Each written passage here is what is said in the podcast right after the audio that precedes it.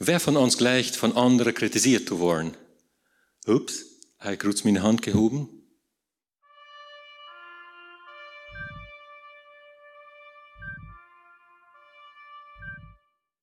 Hallo und willkommen bei das Programm Leben mit Gott. Mein Name ist Roland Stieben und wir wollen von der Eva reden, wo wir reagieren sollten, wann wir von anderen kritisiert wurden. Eine der seltensten Fähigkeiten im Umgang mit Menschen und eine, die dort schwan zu tolerieren, ist die Kunst, andere konstruktiv zu kritisieren. Wenn du nicht weißt, wo man konstruktiv kritisiert, also dort baust du die Hals den Müll, was du dort weißt. Deswegen sieht Jesus in Matthäus 7, Vers 5, du Heuchler, trag erst den Balken in den eignet Öl, dann wirst du sein können, den Splitter in den Bruder sein Öl zu tragen. Viele Viele sein dazu, aber Jesus befiehlt uns hier in diesem letzten Part von diesem Vers, unserem Bruder den Splitter in den Öl zu tragen. Aber wahrscheinlich noch schwander als andere zu kritisieren ist, Selbstkritik anzunehmen. Die Bibel ist voll von Beispielen, wo Menschen Kritik gegeben, aber auch angenommen haben. Dort gehört einfach zum Leben der Tau.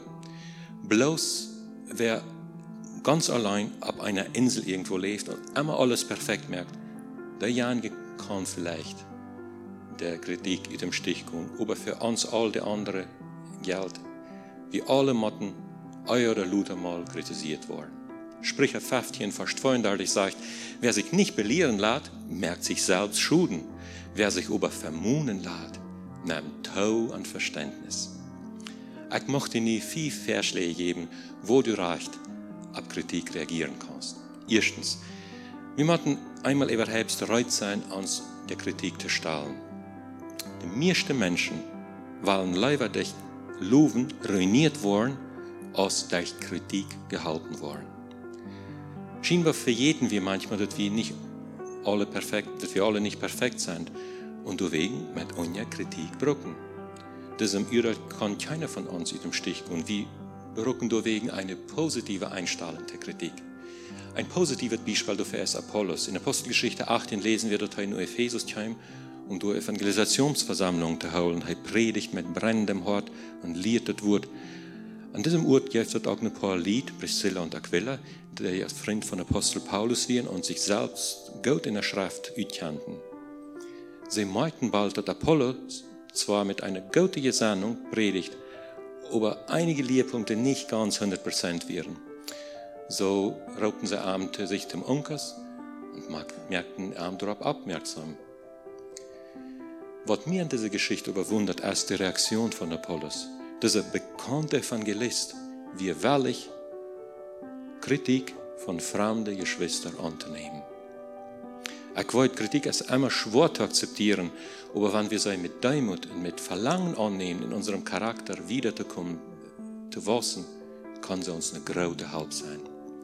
Bloß ein Schasel profitiert nicht davon, wenn er von anderen wie seine Fehler trage gewesen wird. Und wenn du von wem kritisiert wirst, dann stellt sich dort so recht rüd, wo belastungsfähig du eigentlich bist. Punkt Nummer zwei ist Tauhieren.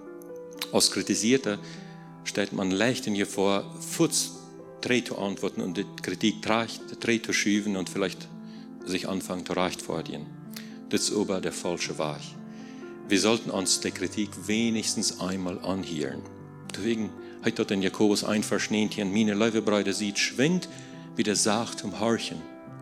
Überleicht Gott eure Reden und wort nicht leicht doll. Wir sollen nicht bloß horchen, sondern auch versegen zu verstehen, was der andere wirklich sein will. Wir können nämlich sehr leicht bloß mit einem Ohr tauhieren und überhören vielleicht wegen, dass der Person uns nicht bloß kritisieren will, sondern vielleicht uns auch eine Wertschätzung und ein Lob sein will. Ich weiß, es immer schwierig, Kritik aber rechte Wies äh, zum rechten Zeitpunkt zu reden. Das ist aber dann noch schwander, sich Kritik anzuhören und die Kritik dann weiß zu verarbeiten und anzunehmen. Prof einmal davon auszugehen, dass der Beweggrund für die Kritik beim anderen läuft ist. Schönes Beispiel für das Tauhören als Petrus. Er muss sich in seinem Leben Ferkenkritik anhören und er hat auch gehört. Er hat zum Beispiel auch Paulus utreden lassen aus dieser Arm in Antiochien einmal, für alle Trachgestalthaft. In Galater 2 lesen wir davon. Also merkt ihr dort selbst klar, ich sie noch am Lehren und deswegen sie ich für Kritik. So kannst du jede Gelegenheit nutzen, die zu verbessern, wiederzukommen. Drittens, nicht kurz dreh reden. Dat ist eine Frau, wir haben alle kurz eine Antwort reut, wenn uns jemand kritisieren will. Auch wenn die Kritik, besonders wenn die Kritik anjäßlich oder anberechtigt wäre. Aber wo reden wir dann dreh? Wir sollten bedenken, nicht als anjäßlicher, als mit Fleisch ab Fleisch zu antworten. Das meint ja nicht, dass jede Kritik einmal reicht und am Platz ist. Aber dann noch sollte unsere Antwort jäßlich und leuftulich sein. Philippa 5, Vers 4 sagt, lud alle Mann seinen, wo leuftulich sind. Warum können wir, warum können wir eine Kritik äh, nicht einmal die annehmen und wenigstens du Eva nur denken, den anderen utreden luten? Hast du nicht wenigstens ein kleiner Kuren an Wahrheit daran? Selbst wenn die Kritik vielleicht anberechtigt wird, sind wirklich alle Klachten nicht berechtigt? Vierter Punkt. Nimm die Kritik ernst. Ja, ich wollte, ihr konstruktive und destruktive Kritik, also eine gute und eine schlechte. Aber doch hat jede Kritik irgendeinen Grund. Selbst wenn eine Kritik anberechtigt wird, gibt dort immer noch eine Ursache, warum die Kritik kommt. Daher lohnt sich dort immer eine Kritik ernst zu nehmen. Jemand hat allemal, ein Problem mit meinem Verhalten, mit meiner Wert, vielleicht mit meiner Person. Habe ich irgendeinen Grund dafür, was ich in Zukunft vielleicht besser tun kann? Kann ich vielleicht mehr darauf abpassen, was ich sein darf? Vielleicht möchte der Herr Jesus mir durch eine solche Kritik irgendwo zeigen. Ich muss wirklich staunen, wo David ab den Fluch Simeis, wo er noch viel schlimmer wie aus einer Kritik reagiert hat. In 2. Samuel saß in Vers 10 sagt, hey, wenn er mich pflegt, wen der Herr am dort gegeben hat, dann soll keiner fragen, warum er das tät. Wenn wir in unserer Gesinnung mit Kritik, in dieser Gesinnung wurden mit Kritik umgehen, würde manches Verhältnis an ihre Geschwister viel besser sein. Und der letzte Punkt von der Kritik, lehren. Dort gibt Fälle, wo Kritik überhaupt keinen Grund hat und nicht berechtigt ist. Aber das sind euer Utnungen konstruktive Kritik als eine sehr wertvolle Halb für diejenigen, die die annehmen. Verken verbringen wir viel mehr Zeit damit, unsere Fehler zu rechtfertigen, zu entschuldigen, zu rationalisieren und aus der Proben der Kritik zu verstehen und durch für uns ein Gewinn, ein Nutzen zu tragen. Wenn wir nicht einmal kurz so defensiv würden sein, würden wir bald verstehen, dass konstruktive Kritik eigentlich ein Kompliment für uns ist. Jemand will die halten, wie es für die Wirtschaft. Wir sollten unser Verhalten, unsere Wert entsprechend der Kritik immer überprüfen, überdenken und dann uns auf der Grundlage von der Schrift ändern lassen.